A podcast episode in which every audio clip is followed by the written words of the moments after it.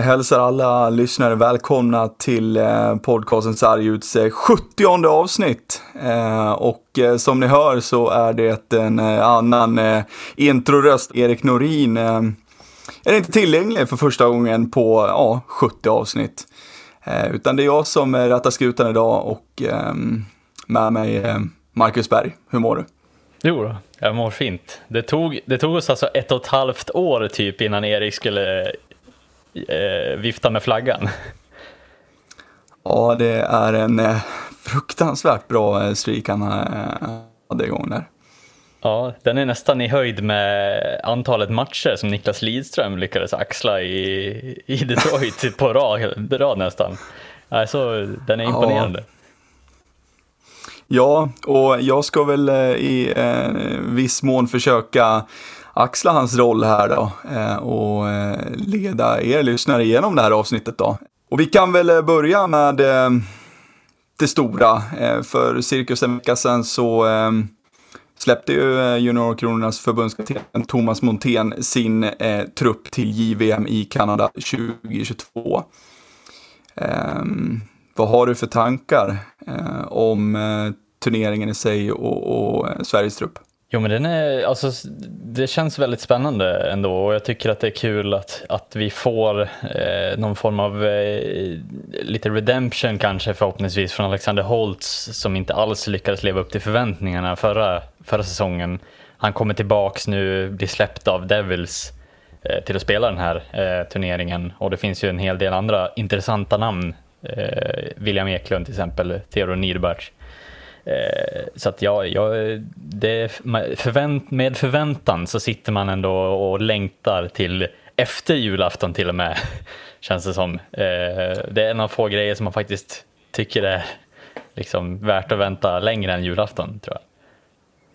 Ja, nej men eh, så är det väl och det har ju blivit en, eh, ja, men en eh, tradition bland, bland det svenska folket, eh, JVM. Eh, det har en så pass hög status här hemma.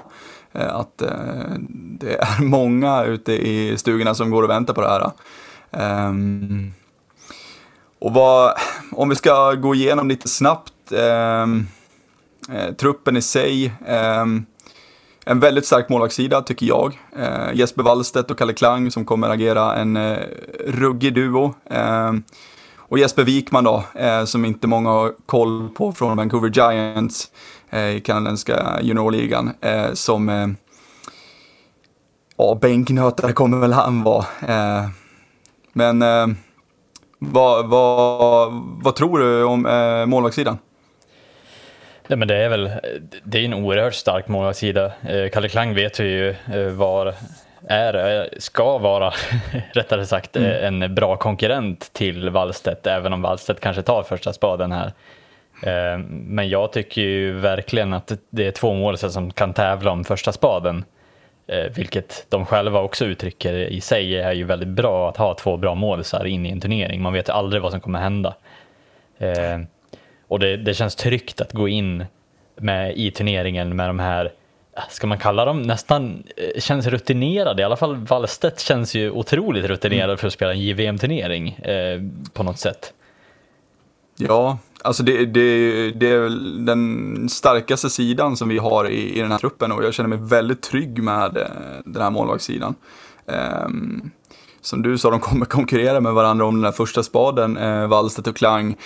Och de kommer ju garanterat att konkurrera med alla andra målvakter i den här turneringen om första spaden i All-Star Team. Det är jag helt övertygad om. Eh, jag ser inte en eh, målvaktssida som är bättre än denna. Um, för det här är Ja, det är, jag tycker det är hög, hög alltså, SHL-klass på den här. Eh, Wallstedt har ju varit ruggigt bra i år. Kalle Klang, eh, magisk eh, förra året i Kristianstad i Hockeyallsvenskan. Eh, har eh, agerat eh, tillsammans med Rifalk i, i Rögle i år. Eh, har varit ruskigt bra. Så att jag ser det här som den absolut starkaste sidan i, i det här lagbygget. Eh, och de här måste stå på huvudet varje match då för att, eh, för att ja, vi ska ha chans att nå väldigt långt i den här turneringen. Mm. En bra målvaktssida bygger en bra grund, så är det ju oavsett vad man vill eller inte. Eh, och det tycker jag verkligen att, att det här visar. Ja, ja, helt klart. Men eh, backsidan då. Eh, vi kan gå igenom lite snabbt igen då. Eh, Helge Grans från Ontario, Ontario Rain. Eh, Emil André, HV, Anton Olsson, eh, Malmö.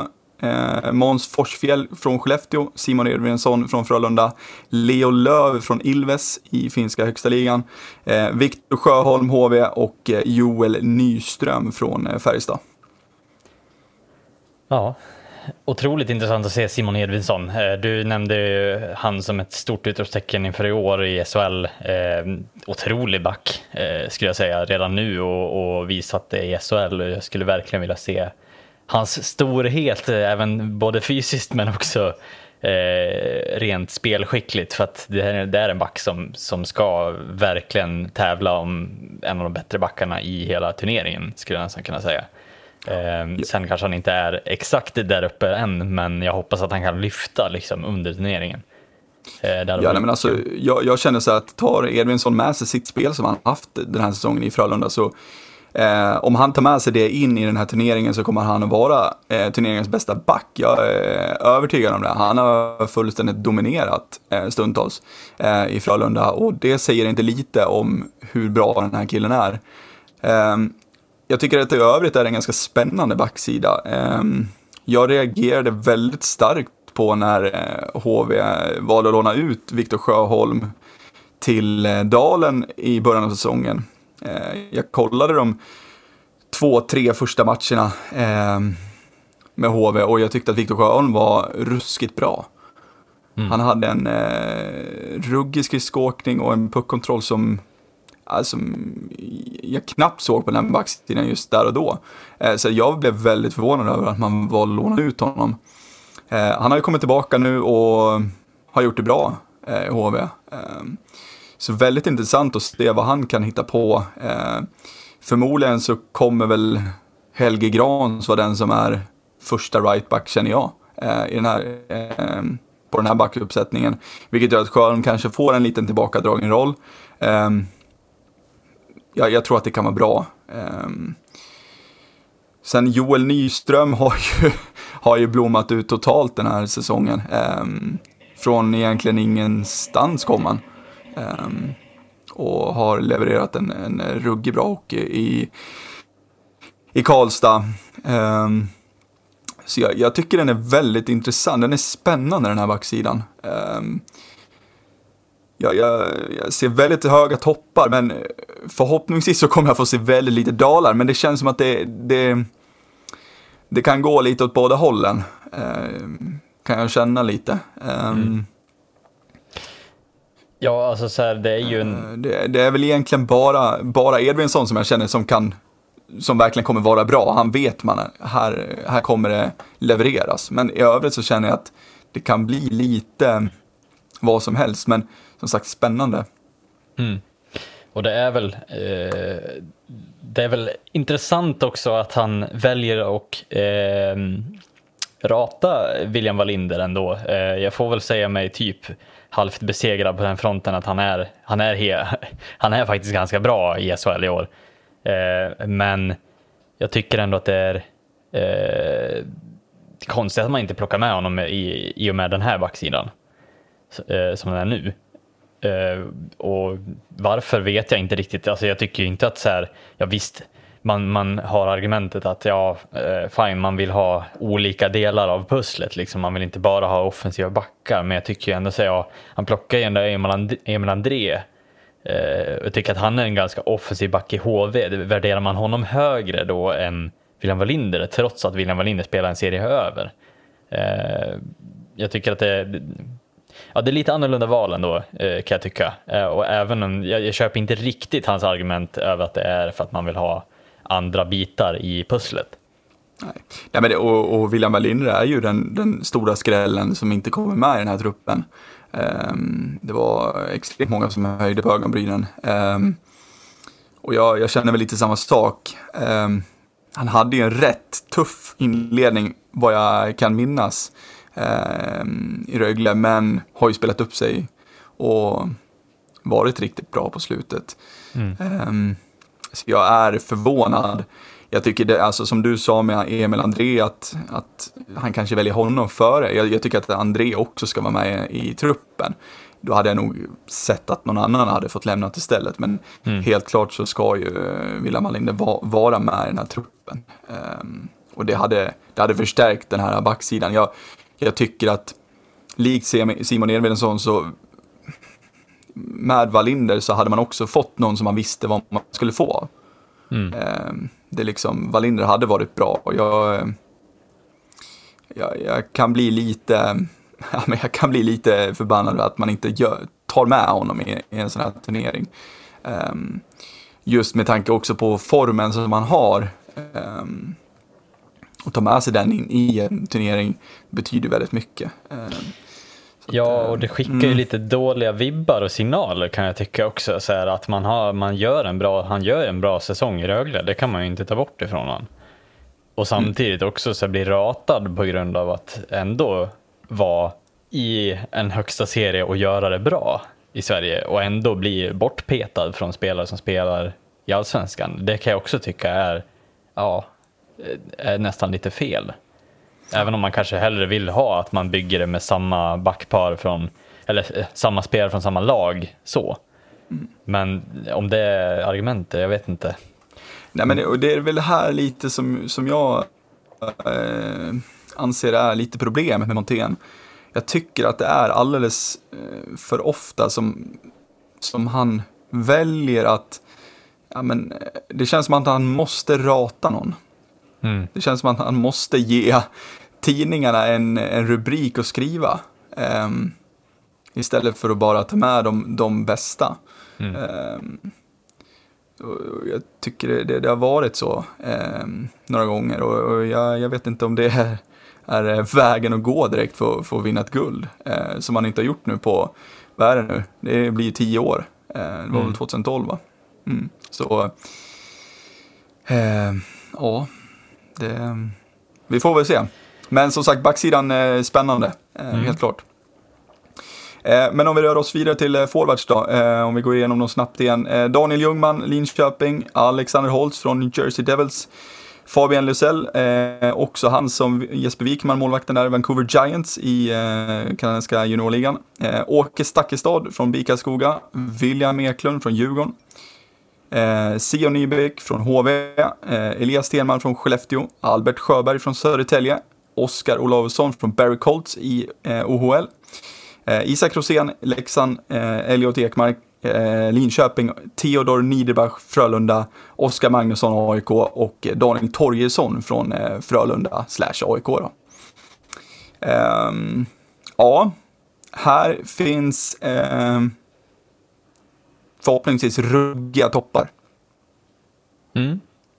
Ja, verkligen. Och man, det känns lite som att man har, man har lite koll på vad man ska få ut av William Eklund, Holtz, vi har Niederbach, vi har Sion Nybeck. Alltså jag tycker det är många stabila forwards här eh, som man vet har en nivå eh, va, som man kan förvänta sig ganska högt av. Samma sak mm. Isak Rosén också tycker jag har en väldigt bra nivå.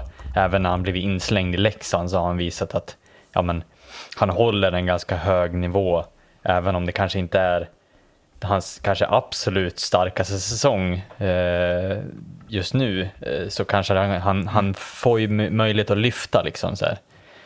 Nu, nu har inte han, ja, han kanske inte har haft en hel säsong innan heller, men jag tänker, ja, ni förstår vad jag menar. Han kanske inte har sin absoluta formtopp eller något sånt där. Det är inte så att han har eh, skapat rubriker någonstans.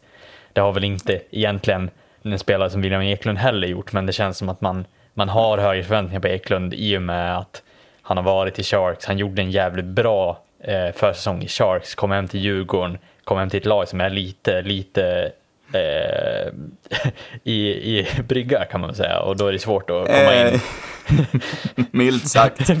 Vi är milda det där. Eh, nej, ja. men att, att det är svårt att komma in och bara tokdominera. Nu tycker jag han har gjort det bra ändå. Eh, mm. I och med att alla andra ligger i någon form av bottennivå när det kommer till självförtroende. Eh, ja. Men absolut, det är ju otroligt rolig forwardsida kan jag mm. tycka. Jag vill också skicka ut en varning eh, Eh, en sån här eh, flagg till det svenska folket. Glöm för fan inte bort Fabian Lysell i det här. För att Fabian Lysell är en kille som vi ska ha höga krav på. Han lirar just nu som sagt i Vancouver Giants i, i eh, VHL borta i Kanada. Han har gjort 28 poäng på 23 matcher. Det här är en kille som ska vara liksom, han ska vara William Eklund bra, han ska vara Alexander Holtz bra. Och han måste vara bra i det här JVMet för att vi ska lyckas. Mm. Det, så är det bara. Um, han kommer att lira NHL snart, det är jag rätt säker på. Um, och fan, han, han måste vara bra. Jag blir, jag blir trött om han inte är bra. Det är liksom så här, det är nästan så jag ser fram emot mer och se honom än, än uh, Holtz liksom. För att jag vill bara att Lysell ska lyckas. Um, så att, um, Men det är roligt. Det... det... är roligt med spelare som man inte riktigt har så här, ja men de försvinner bort där borta och så sen om de kommer hem och visar sig i eh, Tre Kronor-färgerna så blir det ju lite det här mm. att man får lite en wow, bara jävlar det här är en, ja. liksom, säg, ett, jag har för mig att Timasho var lite sån spelare, bara dök upp lite som gubben i lådan. Eh, mm. och, och, det är kul med sådana spelare som, som visar att ja, men jag har gått en annan väg i SHL. Eh, för jag menar de flesta som har en generell koll på hockey på, och kollar lite SHL har väl koll på några av de här spelarna som spelar i SHL. Mm. Eh, och då tycker jag det är roligt när det kommer fram spelare eh, som, eller som kom, får komma hem också från, från de här typen av, av och verkligen att, att eh, Brithén har eh, koll på dem också, Mon Montén. Mm. Mm. Brithén, ja. Vi tar med det. ja. Vad hette han nu igen? Är det ja? Ja, precis. Ja, nej men eh, och, och, det är klart, visst, Lysell, eh, han, han gick in för den här säsongen över och de flesta har ju koll på honom, men jag säger det, glöm inte bort honom. För att där finns det många poäng att hämta eh, och de ska hämtas, så är det bara. Men, ja, men hur, hur ser du på, på övriga, om vi bortser från de från de klart lysande stjärnorna i den här eh, forwardsuppsättningen. Hur, hur ser du på, eh, liksom, på djupet på forwardsidan? Eh, känner du dig trygg? Eh, eller känns det liksom, ja... Nej, men det, alltså, det känns ju potential för att lysa ganska starkt ändå. Eh, och jag tycker ändå att det finns, ja men det finns ett djup. Sen är det väl några som känns lite ja, men lite så här, det är inga wow-spelare, men de ska ju ändå bygga ett lag liksom. Så att det, jag, tyck, jag känner mig ändå trygg i Theodor Niederbach, för jag vet vad han är som center. Liksom. Att han, mm. han har, jag tycker att han har en väldigt eh, mogen spelstil i sig. Det tyckte jag såg mm. redan i Modo förra året. Eh, och han gör det väldigt bra i Frölunda och Frölunda som går väldigt bra. Eh, jag tycker att han har en hög lägstanivå. Sen tycker jag vi ska kasta lite sol på Sion Nybäck också från HV71.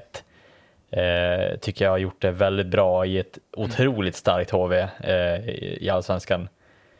Eh, och sen Åke Stakkestad, det ska bli kul att se vad han kan till, tillföra. Jag menar Bickaskoga är inte heller jättedåliga Verkligen. i allsvenskan. Så att, eh, men sen tror jag det är lite upp till, upp till spelarna själva och, och, och visa lite så här, ja, hitta lite, eh, lite lyft här i given turneringen för att det bästa med den här turneringen är ju att här kan vilken spelare som helst slå igenom rejält. Det känns som att det handlar bara om spelarnas inställning och bara kan, kan spela ut hockeyn där. Eh, det är ju framförallt också som vi kanske inte har nämnt är ju att det är ju i Kanada och det kommer vara mycket publik.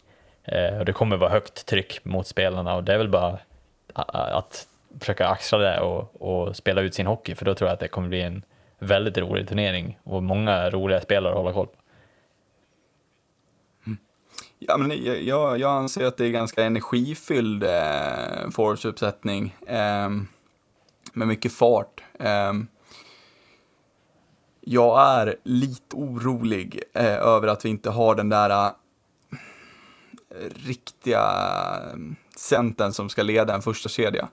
Ehm, jag är osäker på vem det blir. Eh, Niederbach, möjligt. Ehm, men ja, vad, sen bakom, Elliot Ekmark har ju, ja men han, han har ju varit bra. Eh, men inte så mycket mer och jag ser, liksom, jag ser honom mer i en tredje, fjärde. Eh, jag skulle vilja haft en lite skickligare center. Um, och en center som är på den nivån som Holtz, Eklund, Lysell är. Um, som är, uh, som har den här stjärnstatusen i laget. Um, det är väl lite det jag kan känna saknas. Um, för att i övrigt så tror jag ju verkligen att, att de här ytterforwardsarna kommer att göra, göra väldigt, väldigt bra ifrån sig. Uh, Oskar Olausson vet vi, han är bra. Uh, du var inne på hans Jon Nybeck, han är bra. Det vet vi, han kommer att göra det bra. Ehm, um, Torgersson, um, ehm, han kommer vara bra. Um, sen ska det bli kul att se hur, hur uh, de kommer stå sig, uh, till exempel då Åke Stakkestad, uh, Albert Sjöberg, Elias Stenman. Vad får man ut av de gubbarna? där är det väldigt viktigt att de, att de hittar bra roller för dem var de är i den här truppen, eller vad de har i den här truppen att göra. Mm. så att får man ihop det, ja men då, då tror jag att det här kan eh, bära väldigt långt. Men hittar man ingen, eh, ingen riktig ledare eh, på forwardsidan, för det, det kan jag känna är det stora aber. Alltså att man inte har den riktiga ledaren. Eh, ja, då kan det bli eh, väldigt eh, jobbigt eh, nyår faktiskt för, för oss svenskar kan jag känna. Macke, eh, du har ju eh, varit lite arg i eh, vår gruppchatt här eh, på Messenger. Eh, och det var ju någonting som du verkligen ville ta upp den här veckan. Eh, domarnivån. Hit ja. me. Hit me. Ja, arg är väl en överdrift. Besviken? Ja, kanske. Lite mer bekymrad? Ja. Åt det hållet skulle man nästan kunna dra det. Eh, och jag tror väl att det säkert finns fler som, som, som håller med mig att man börjar vara lite bekymrad över Ja, nu, ska, nu ska man inte dra, dra domarna över en kant, men det är väl över hela alltså över hela systemet i sig. För någonstans är det ju att alla domare har ju någon form av eh, syn på regelverket i sig och så. Så att jag menar, det har ju inte med att domarna är dåliga domare i sig så heller tycker jag inte. Utan vi ska mer... Nej, precis. Det, det, är väl det vi ska klargöra, att det är väl kanske mer eh, regelverket och regelboken som du är upprörd över i, i, i dagsläget. Um, för att jag, ja, jag anser att regelverket som det är, är, eh, är bra. Eh, och vi kanske ska berätta vad det handlar om också, men det var ju eh,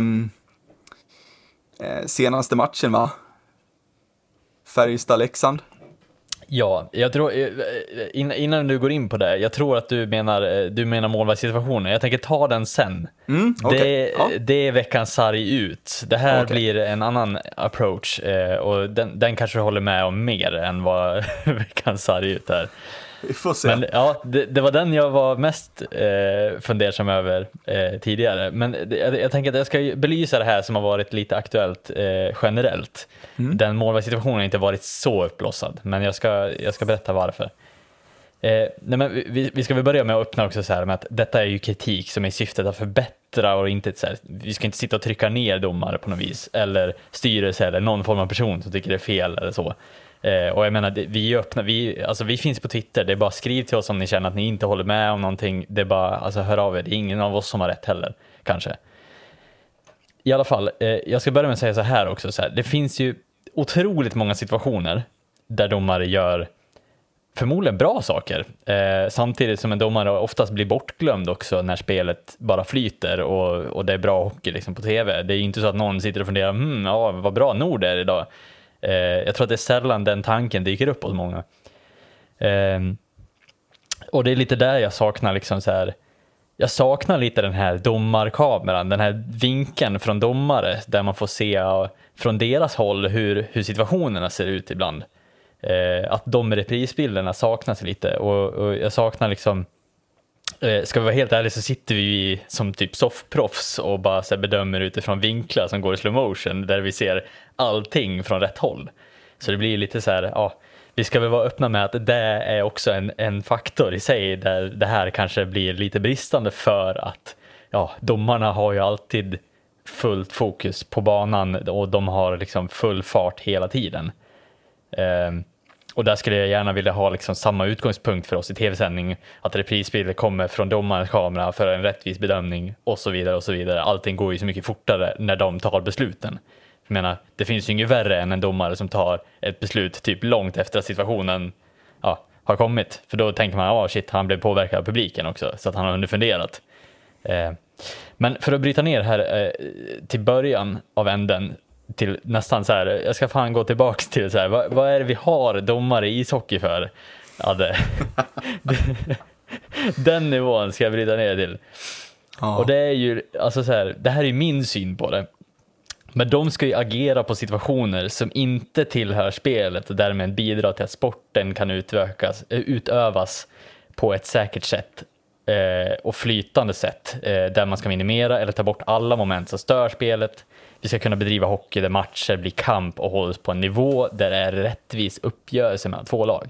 Håller du med? Eh, ja, ja men ja. helt klart. Eh, och, och där vill jag bryta i, i det här som jag tycker är negativt just nu i, i många situationer. För att jag tycker att det är dags att börja skilja på situation som är ett spelsituation och vad som är spelförstörande. För just nu så känns det lite som att vi, de, alltså, domarbasen har inte riktigt full koll på vad, vad som är skillnaden, känns det som. Eh, vi har sett Dick Axelsson lägga ut sina känslor flera gånger, minst, inte minst eh, i sin B-uppsats på twist, Twitter där han också reagerade över domarnivån senaste omgången. Eh, och man kanske ska liksom försöka sätta sig ner nu och erkänna att det är ett problem och vad kan vi göra för att förbättra? Alltså så det känns lite som att det finns situationer där, där det tas utvisningar ibland bara för att ta utvisningar känns det som. Eh, och jag tycker att det, det, det förstör spelet mer än vad det hjälper spelet att, att komma framåt. Jag ska komma med tre exempel också från, jag tror att två av dem är från förra omgången till och med, båda två. Eh, och jag tycker att man allt mer frekvent ska komma ut när det sker sådana här, jag menar så här, vi är människor, vi, alltså så här, domarna är också människor, både spelare och domare har ju rätt till att göra misstag. Men jag tycker att man ska börja vara mer konsekvent med att komma ut och förklara hur man har tänkt. Och därav också vill jag ha in min jävla kameravinkel från domaren så vi kan se hur jävla svårt det är att se den där jävla situationen som han står och viftar med i eh, bara en sekund ska han bedöma den. Men i alla fall, eh, jag, jag tycker det är viktigt att det blir en tydlighet bara. Alltså så här, att, att man ska ha en tydlighet till varför tänker han så här i den här situationen, varför, alltså så här, varför tar han den här när det är så lite tid kvar trots att det är typ en mindre, eh, alltså så här, mindre förteelse än de tidigare saker som har hänt under hela matchen. Va, vad är det som avgör att den här just blir en utvisning jämfört med att det har varit så från båda lagen i typ över 20 minuters tid, att det är en del av kampen där ute på isen. Mm. Det är lite där jag tycker vi landar i fel. Och sen också så här, våga gå ut och erkänna sina fel. Jag tycker att det är ganska viktigt att bara säga, fan jag gjorde fel. Typ som Nord gjorde när det var Brynäs HV i förra kvalet. Han gick ut, han sa, jag är besviken på mig själv, jag tycker att jag gjorde fel i det här beslutet och så vidare. Eh, och det, det är okej, okay. alltså jag tycker det är bättre att göra så än att stå och försvara att nej, det, det här är, jag tycker att det här är där. Och det, alltså så här, ser man på reprisbilderna, efter så kanske det ändrar sig och då får man säga, fine, ja, jag, det var mycket mera, jag, jag tyckte jag såg det där ute på isen men tydligen här så verkar det vara så. Ja. Men, men tror du, så här, tror du att ähm Tror du att eh, domarna i SHL, om vi, om vi utgår från SHL nu då, eh, mm. tror du att domarna i SHL eh, känner så här en, vad det nu blir, två, två femtedelar eh, in på säsongen. Eh, tror du att de känner att, att de har gjort ett, eh, ett eh, bra jobb eller tror du att de känner att här går det att slipa på någonting Eh, och tror du att det här är någonting som tas upp eh, för att eh, åtgärda de här problemen som du, som du anser, som du tar upp nu? Är det någonting som är en, en fråga i, i domarkåren och framförallt för Thomas Torsbrink? Alltså jag hoppas ju någonstans att det är en fråga eh, för Thomas Torsbrink också. Eh, nu är ju han ute och svarar på rätt mycket av kritiken som kommer mot domarkåren och han står och försvarar eh, domarna i sig. Jag tycker ändå att domarna ska kunna försvara sig själva och det, så är det ju alltid. Det kommer alltid finnas någon som, som tycker tvärtom än vad du tycker och det är samma sak med spelare. Jag menar att alltså så här, jag vet inte, jag tror att vi har underskattat också hur mycket skit spelarna får. Alltså titta på Dick Axelsson, han är ju typ oomtyckt i halva delen av Sverige, i alla fall vad han upplever som och, och många fans som är Alltså, så här, säger, alltså så här, det kommer ju vara så, så länge man är en offentlig person och gör eh, beslut som påverkar eh, ja, tusentals människor, ja då kommer det alltid vara någon som tycker emot dig. Men jag tycker att det är viktigt att, att de går ut och rätt, outar sig själva också och visar att vi är villiga och liksom, vi, gör, vi vill göra det på absolut bästa sätt. Och vi strävar efter det varje dag, varje match, hela tiden. Men nu blir det mer som att ja, men beslutet tas på isen och sen blir det bara, ah, okej, okay, ja, eh, gjorde de fel eller var det verkligen att de tyckte att det där var rätt? Liksom? Så här, det vet vi ju inte. Um, jag tycker att det är många situationer som dyker upp nu. Jag, jag, jag, ska, ta, jag ska ta tre exempel nu till exempel. Vi börjar med rånet i Färjestad, eh, i Karlstad, eh, Färjestad-Leksand. Jag ska inte ta målvaktssituationen även om många tror att det är den jag ska ta nu. Men det rånet som är, som jag tycker är konstigt att Hellkvist inte ens tar upp. Jag, jag tycker ju att den sista utvisningen som, som Leksand drar på sig, tycker jag är otroligt bedrövlig att den tas överhuvudtaget. Eh, det är en Leksandsback som går upp, stöter på pucken, pucken försvinner från situationen och sen ramlar Färjestadspelaren över Leksands... Alltså, jag, jag, tycker att det är två minuter kvar av matchen. Han går upp, stöter bort pucken på ett rent sätt. Alltså så här, det är som att du skulle ha så här, bedömt att en, en tackling i fotboll, att bollen emellan, så här, ja, den inte hade godkänts. Alltså så här, vad, vad ska han göra? Ska han hellre gå för han, han, gör ju allting rätt. Han stöter ju mm. bort pucken. Det är ju det han, hans intention är i den här situationen och ändå får han en två minutare. Färjestad gör 3-2, matchen är död. Alltså så här, eh, jag tycker att det är en viktig liksom så här, vad, vad, alltså där lär man gå ut i de situationerna, det är två minuter kvar. Han dödar ju matchen med den typen av utvisning. Och jag tycker att det, det, det ska inte få, få vara så lätt att, att med två minuter kvar, då ska man ha högre i tak. Då ska det vara en så solklar utvisning att, att du ska se den överallt. Och, och jag tror att domarna försöker ha ett högre tak när det är hett där ute och det är liksom så här lite eh, mindre tid kvar. Men det kändes som här som att ja, han hade ju lika, lika gärna kunnat ramlat ihop utan att han rörde honom och det hade varit två minuter. Alltså så här, jag tyckte att den var för lam, speciellt med två minuter kvar och att det är två lag som kämpar om, om tre poäng här. Mm. Och det här högre taket som du, som du pratar om, jag, jag kan ju känna att det höga taket måste man ta med sig från matchen ut efter matchen eh, vid sådana situationer. Det måste det måste på ett sätt finnas en förståelse från, eh, från eh, domarhåll här att det är väldigt många som är intresserade av att höra hur de såg på situationen. Det behöver inte, alltså, eh, bara för att, ja men som du, som du upplever den situationen, jag har inte sett den situationen ska jag vara ärlig och säga, eh, men som du upplever den situationen att du tycker att den är bedrövlig. Det, det, det får liksom stå för dig, eh, men för mig, om, om, jag hade, alltså, om jag hade sett den situationen och tyckt eh, någorlunda som dig, jag hade inte velat gå, jag hade inte velat att domarna skulle gå ut och, och, och ta den situationen efteråt, eh, bara för att få liksom eh, hata på dem ännu mer, utan jag hade gärna velat se att domarna går ut efter matchen för att kunna diskutera en sån här händelse eh, offentligt. Eh, jag, jag har inte sett den här situationen som sagt, eh, men jag, jag, vill ju inte, jag vill inte att domarna ska ta med den här, eh, vet det, mm, liksom, det här höga taket och diskutera om en sån här situation utanför, för att kunna sitta och liksom trycka ner dem ännu mer och bara hata på dem, hata, hata. Utan jag vill gärna att de tar med den ut för att de ska förklara hur de ser på situationen.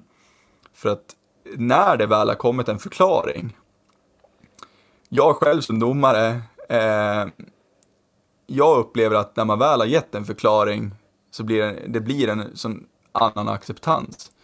Eh, och det, betyder, det, det, måste inte betyda att, att du som tycker att den här utvisningen var bedrövlig, att det, det, att det kommer en förklaring behöver inte betyda att du kommer att acceptera den då. Men du har fått en förklaring på hur domaren har sett den här situationen. Mm. Och då, eh, människan fungerar så. Att då, då sätter man ner sig lite själv och tänker att okej, okay, han såg den så. Jag tycker inte att det var så, men okej, okay, han såg den situationen på det här sättet. Fine. Mm. För vi måste ändå ha någon form av liksom eh, ödmjukhet till att det är ju en bedömningssport. Alltså det är ju bedömning hela regelboken egentligen. Du ska ju någonstans ha din egna form av bedömning av de olika momenten som sker ute på isen och den bedömningen ska ju ske inom en viss tidsspann som är väldigt, väldigt kort. Du ska ta beslutet väldigt, väldigt fort där ute och det går väldigt, väldigt fort. Så att då tar de ju oftast eh, och det kan ju du hålla med om kanske också som har dömt liksom, division 1-nivå, att det, det, går ju fort där ute ibland och ibland hänger man väl inte med det helt och hållet för att situationerna i sig blir väldigt röriga och helt plötsligt står du där och måste ta ett beslut. Liksom. Eh, Medan någon annan ser från en annan vinkel och, och blir helt tokig. Liksom. Så att mm. jag, jag, tror att dels ska man vara ödmjuk om det, men också så här att man ska inte gå ut för att ta emot kritiken. Man ska gå ut för att utbilda resten av domarkåren och resten av domarsverige i sig och visa att så här, det här, jag står för, den här, för det här beslutet, jag tycker att det här var det var rätt beslut det jag tog för att från min vinkel så såg det ut som att han var ute efter det här. Mm. Fine, vad, vad ska, alltså så här, det finns ju ingenting, alltså så här, han, får, han kan få hur mycket hat han vill efter det. Det går ju ändå ut i liksom någon form av pondus från domarens håll också, att så här, fan, mm. jag skiter i vad ni tycker. Alltså så här, det här, det, det, det var det här som jag tänkte i den här situationen och här vill jag också få in stödet från kameravinkeln från domaren för det hade varit sjukt skönt att bara se, ja men fan från hans vinkel ser det ut som att han fullständigt ja, kapar benen på han typ. Mm. Men det kanske är så att spelaren bara ramlar. Alltså så här, ja. det, det, är ju det som man sitter och liksom kollar i de här simor sändningarna i slow motion istället. Från en annan mm. vinkel, från andra hållet, när han egentligen har ryggen, domaren är bakom ryggen på spelaren och ser liksom inte det som händer framför. Mm. nej, så att, och och, och det, det tycker jag verkligen är Eh, någonting som jag, hoppas att det blir mer frekvent. Nu har vi sett några så grejer som allsvenskan går ut när det är eh, avgörande eh, situationer eller typ en, en, ett matchstraff som han bedömer eller sånt där. Men jag tycker det är ännu viktigare att det, när det är sådana här matchavgörande situationer, man vet ju, alltså, man kan ju direkt säga, bara pinpointa att det står 2-2, okej okay, det är typ två minuter kvar av den här matchen och han får en tvåa. Det blir ju direkt matchavgörande om, om det utnyttjas det powerplayet och det är ju klart att det gör. Eh, Färjestad är ju, alltså så här, de har ganska starkt powerplay och det är väl inte så konstigt att, att de flyger lite på, på vågen där. Eh, så att ja, jag jag, jag, tycker att de situationerna som verkligen är, det här är en matchsituation avgörande, då går man ut och förklarar, det här var det som vi såg. Mm. Eh, det behöver inte vara varje situation, det kan vara de specifika, när det är direkt avgörande för hela matchen. Exakt, och låt oss vara tydliga där att det är som du säger, vi, vi, vill inte ha, vi vill inte ha domaren framför kameran efter varje match för att diskutera en tripping som har skett i första perioden. Utan det här är enbart när det blir matchavgörande situationer, där det är tveksamheter. Mm. Eh, kan jag känna. Eller mm. som du säger, ett matchstraff. Eh, som också tveksamheter, men alltså som går att diskutera. Sådana situationer. Jag tycker att man måste kunna kräva det. Eh, det är väldigt eh, många, i princip alla, ute i Hockeysverige som tycker att spelare eh, har liksom ett ansvar när man tjänar så pass mycket pengar att man eh, ska ta sig tid för fans och det är media och allting. Här tycker jag att domarna också ska ha ett stort ansvar i det. Mm. Att man måste kunna, när det har skett någonting så, som är matchavgörande så måste man kunna ta den intervjun med Simor efter matchen. Eh, och det ska, jag, jag, tycker också att det ska vara på, vad ska man säga, regelbunden basis. Att, att varje gång det sker någonting som, är, som går att diskutera så ska de, så ska de stå där. Eh, och det är inte som du säger, det är inte för att bara käka all kritik som kommer. Det är inte bara för att de ska få eh, höra i lurarna hur, hur arg Wikegård är i studion. Eh, utan det är för att utbilda, eh, inte bara eh, domar Sverige, utan även utbilda det vanliga sofffolket som, som vi sa. Eh, mm. I vad, vad, vad domaren uppfattar den här situationen som. Och jag tycker att det är en viktig, eh, jag, jag, jag tycker att det är en viktig poäng för att jag, jag, tror också att det kan hjälpa till att, till att dels höja domarens status mot vad den är idag i Sverige. Eh, och genom att höja domarens status så kommer man även att få fler unga eh, ja, spelare eller bara folk som ploppar upp och säger hej, Eh, det här såg väldigt intressant ut. Jag skulle vilja, vilja bli eh, en hockeydomare. Eh, jag har inte spelat hockey, men det här är intressant.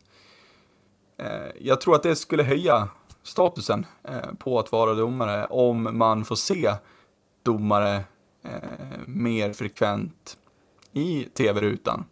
Mm. Och inte bara när de står där på isen efter ett straff eller de har tagit en tripping som egentligen inte var en tripping och det ser hela arenan och hela arenan står och skriker.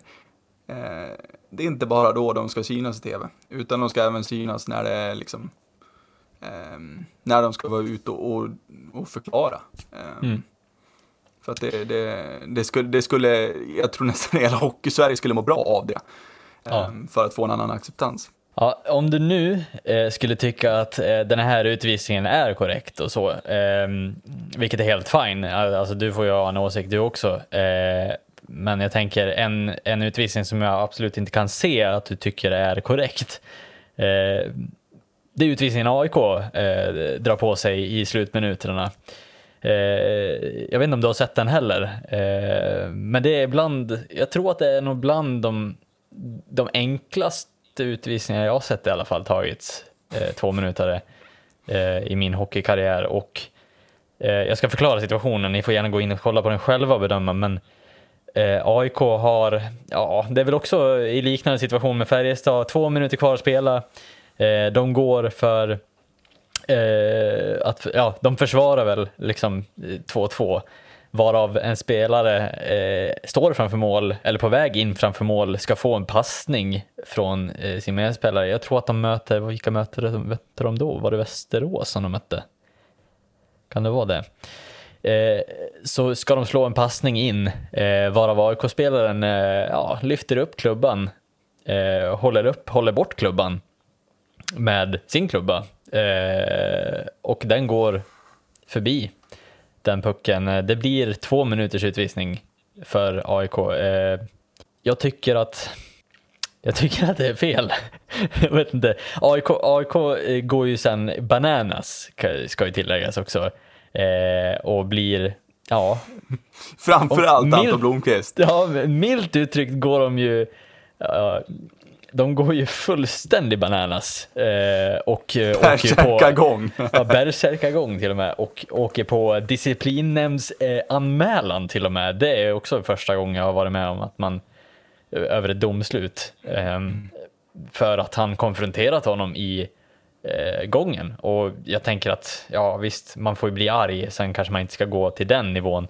Men jag kan ändå tycka här att AIK blir ju fullständigt rånade på det här. Eh, de förlorar ju sen matchen också, vilket också är en, alltså det är ju en matchavgörande situation igen som är, om inte ännu värre. Eh, och, alltså så här, här, här ska vi börja så här. Okej, okay, matchsituation. De båda fightas om samma plats. Han ska hålla undan hans klubb. Alltså så här, det är klart, det blir ju en kamp Situation, Det hade varit en helt annan sak om AIK-spelaren kom bakifrån och typ lyckas haka fast honom och göra samma sak.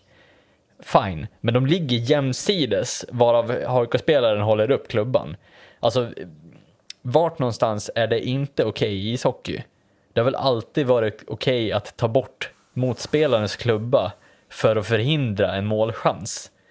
Sen kan jag förstå att, ja men fine, om, om det hade varit så att han hade hakat fast honom eller slagit upp klubban bakifrån på handskarna eller vad som helst, då kan jag förstå att den är en utvisning. Men i den här situationen, där de är jämsides, han, ba, han gör bara sitt jobb som back i princip.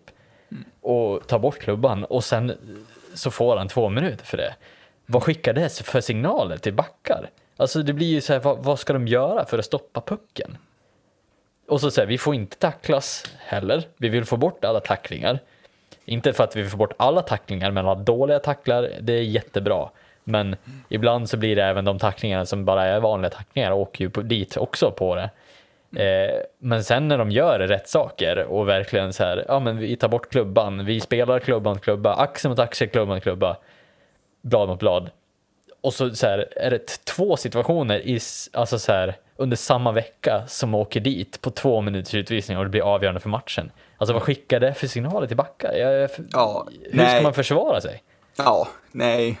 Um, Medan du satt och, och, och förklarade situationen så, så uh, kom jag på vilken situation det var. Um, jag menar, här, som du säger, när det är så pass kort tid kvar, det är en kampsituation, de ligger jämsides med varandra. Um, jag kommer inte ihåg vem det är som åker ut på den. Uh, om det är Dalert, är det som? Ja, om inte annat är han jävligt förbannad i alla fall. Uh... Ja, precis. Uh, men här måste man, alltså, här, det måste bara, den, en sån här situation måste bara frias. Det är liksom, mm. man kan, här kan man inte gå in och chansa. Nej. Eh, för att, det, ärlighetens namn så känns det som att det är lite det som har skett i den här situationen. Um, för att det är, som du säger, är ingen utvisning. Mm. Um, lyfta klubba, låsa klubba på det sättet som, eh, som man gör är helt okej okay i svensk hockey. Eh, och ska ej bestraffas. Eh, så att här, som sagt, jag kan ju prata mer om den situationen med, med tanke på att jag har sett den kontra mm. första situationen. Men ja, att det sker två stycken eh, på samma vecka, det är ju klart att det är eh, eh, förhoppningsvis bara en slump, men, men eh, sker det igen så är det problematiskt. Mm. Men alltså, så här, vi ska också så här, man, man, måste sätta sig ner och fundera ut lite det här. Var, hur gör vi för att domarna ändå ska kunna bedöma det här på rätt sätt? För att nu har det blivit så här, det är en bedömning. Han har bedömt att han någonstans bryter mot någon form av regel från någon vinkel och jag tror att det, alltså, så här, det är svårt att se att, att det här ska misstolkas från någon vinkel egentligen. De ligger, mm. sid, alltså, så här, de ligger ju sida vid sida och det finns ju ingenting som visar på att ja, spelaren ramlar eller någonting sånt utan de, de står ju rakt upp båda två och han bara håller bort klubban liksom mm. i princip. Och det är väl det enda du får liksom så här Alltså det är väl det man har lärt sig som back. Alltså så här, det, det, var ju typ det bland det första som så här, håll bara bort klubban och så här, spela, liksom, spela enkel, blad mot blad, håll bort klubban från eh, styrningar och så vidare. Passningar också, så här. det är enkelt bara, håll, alltså, så här, håll bort klubban. Det, det är väl basic one-on-one ja. backträning liksom. Alltså, ja. Vi lär ju ut våra backar till att göra sånt här och, en, och så blir vi bestraffade på match för att göra det. Då blir det liksom så här, jaha, Ska vi skapa backar som inte kan försvara ens? Så åker vi till alla internationella turneringar och helt plötsligt får de börja, de får spela eh, på den här höga nivån som, som jag upplever är högre internationellt. Mm. Där vi får totalt jävla råstryk för att vi inte klarar av att, att göra det vi har tränat på. Alltså, det, nej, det blir... det blir konstigt. Det blir, det, ja. det blir väldigt märkligt, tycker jag. Ja. och här tycker jag verkligen att man ska gå ut och så här, man ska inte gå ut och anmäla disciplinnämnden för att AIK blir arg sen heller. Det känns som att så här, man ska ta snacket bara och säga fine, vi, vi gjorde fel, det här är, var ett dåligt beslut. Eh, mm. Det var under press och vi erkänner felet. Mm. För att man måste ju gå ut och se det här att så här, det här är inte en utvisning någonstans. Nej, Sen, sen ska vi vara ärliga och säga också, vi har ingen aning om vad Anton Blomqvist har sagt i den här spelargången. Eh, Nej, men jag kan tänka mig att så här, varför går, alltså så här, någonstans lär han ha blivit fullständigt rasande över längre tid. Är det för att domarna har fortsatt och bara, nej men det här är klockren utvisning? Eller har de sagt att okej, okay, fine, vi gjorde fel, förlåt. Eh, sen kan jag förstå också så här, han förlorar ju matchen på bara den förseelsen också. Så att, eh, men ja, jag tror inte att han ska gå så långt än som, som han förmodligen har gjort om han blir anmäld. Jag, det var länge sedan jag var med om att någon blev anmäld för verbalt bruk i mm. spelargången. Jag tror inte han har slagit domaren i alla fall. Nej. Förhoppningsvis. Ja, nej men eh, mm. ska vi vandra vidare till den eh, eh, situationen som jag var inne på först. Eh, Veckans sarg ut. Så ja, veckans sargut eh, ska väl eh, delas ut här då. Eh, så släng på eh, gingen.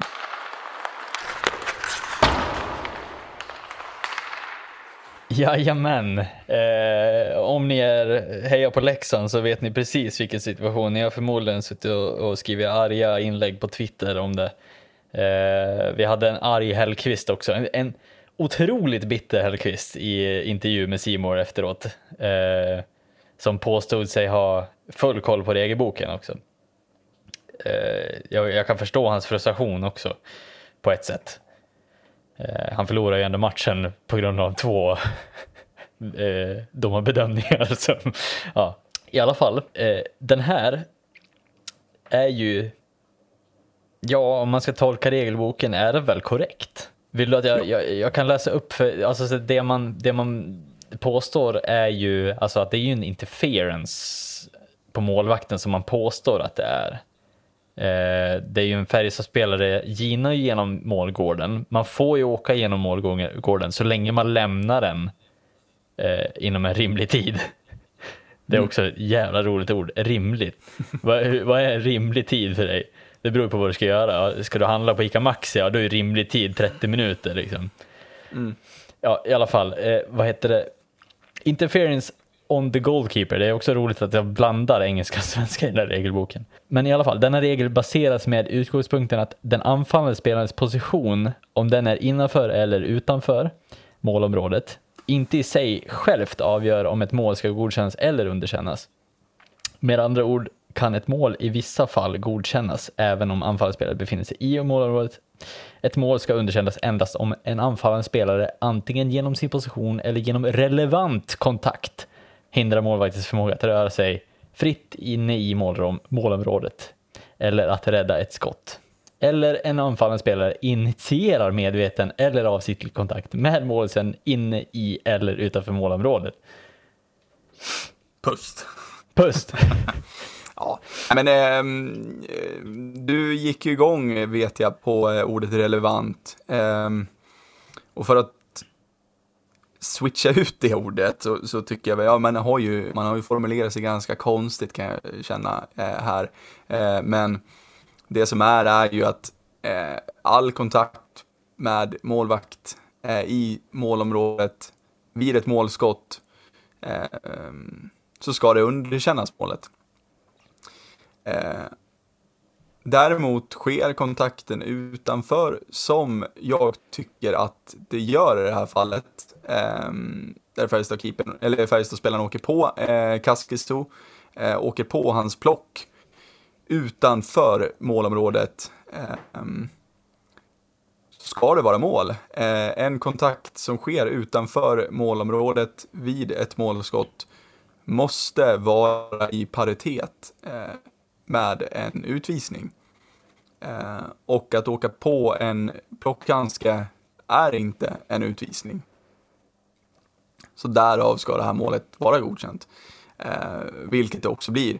Eh, och jag, du reagerade väldigt starkt eh, på den här situationen eh, och det kanske inte var just situationen i sig kanske, eh, utan det är kanske mera hur regeln är utformad. Eh, jag anser ju att det man gick till för, vad det nu är, tre, fyra år sedan, eh, där man la in det här i regelboken, att kontakt med målvakt utanför målområdet eh, vid ett målskott måste vara i paritet med en utvisning för att målet ska kunna underkännas.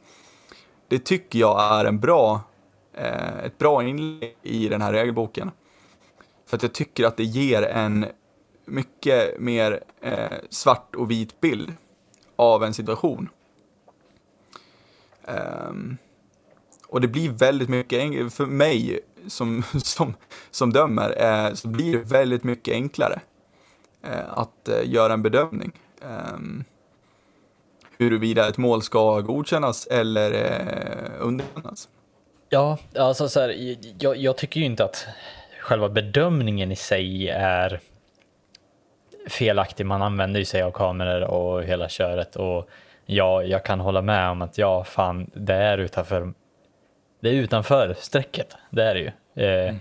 det, jag, det jag tycker att det är fel på den här regeln överlag, det är ju hur, alltså för jag förstår ju ändå så varför regeln finns, för att det ska inte vara så att målisen ska kunna slänga sig utanför målområdet hur som helst och bara ta, plocka puckar hej vilt och ändå vara skyddad i någon form av liksom så här odödlig aura eh, där han ska bara kunna plocka puckar från alla håll. Grejen är ju i sig är ju att den här eh, den här regeln gör ju också att det skapar någon form av så här i eh, Kaskisuos grundställning här så hamnar ju han automatiskt, även om han står i målområdet, så hamnar ju han automatiskt med sin plock och klubb utanför målområdet. Vilket jag tycker är så här, han är ju människa fortfarande också. Eh, han kan ju inte vara helt, han står ju inte som Pekka Lindmark eller de här, du vet, helt rak i kroppen liksom. Eh, så jag tycker ändå så att han är inne i sitt målområde och blir vad jag tycker är en ganska relevant kontakt på hans plockhandske. Vi har sett den här situationen tidigare i form av förra året när Lex, Leksands spelare åker på plocken. Eh, nu kommer jag inte ihåg exakt vem det var och vad det blev utav det.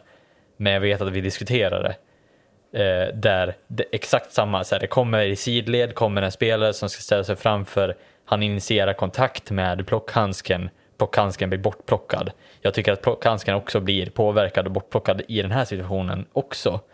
Vilket jag tycker bör vara en regel att så här, plockhandsken borde vara fridlyst. Alltså, visst att du får kontakta, jag tycker inte att målisen ska vara odödlig för det. Men jag tycker att Plockhandsken är väl det enda som bör vara fridlyst på en målis för att kunna göra en räddning. Det känns lite, alltså så det och huvudet i princip. För jag tycker att så här, den här påverkar ju så pass mycket att Kaskisuo släpper in det här målet. Eh, även om kontakten nu uppenbarligen eh, efter kameravinklar är ja, eh, någon centimeter utanför linjen så tycker jag att det är omänskligt att ha den typen av bedömning, för vi bedömer inte offsides på det, den typen av spikrak jävla linjesituationer heller. Så jag vet inte riktigt varför vi har det i målgården då.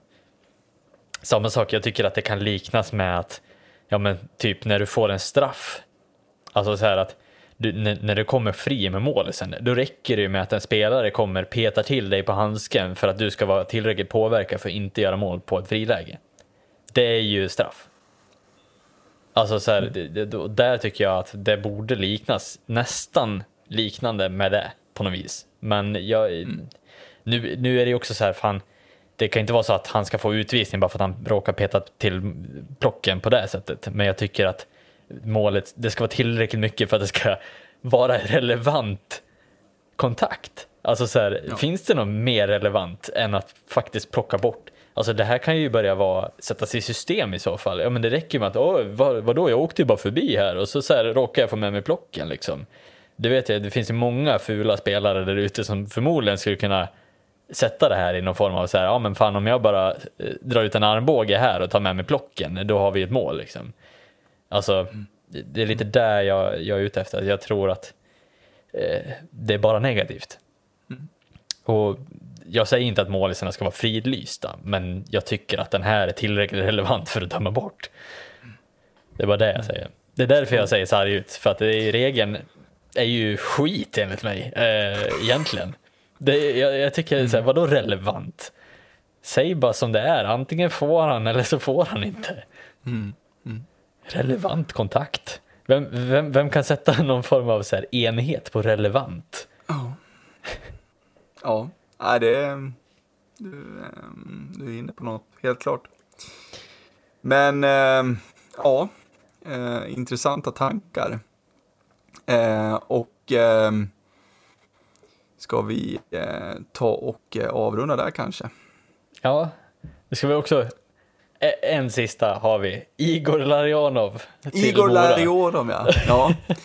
Spännande att se vad han kan uträtta i, här uppe i Dalarna. Är den i Eh, höjd med Donald Brashear i form av liksom namnkunnighet? Ja, det, det är det definitivt där uppe. alltså det, det är lite hipstervärvning över den där. Ja, ja, Den kan också bli skitbra, det vet man inte. Vi får se. Får ha Eriks kommentar sen efteråt. Ja. Men eh, ja, eh, vad, vad tycker du att eh, Svenska ishockeyförbundet och SHL eh, borde göra med regelboken? Ja, de borde skicka den sarg ut. De skickar den så här ut. Tack för att ni har lyssnat. Hej då! Hej då.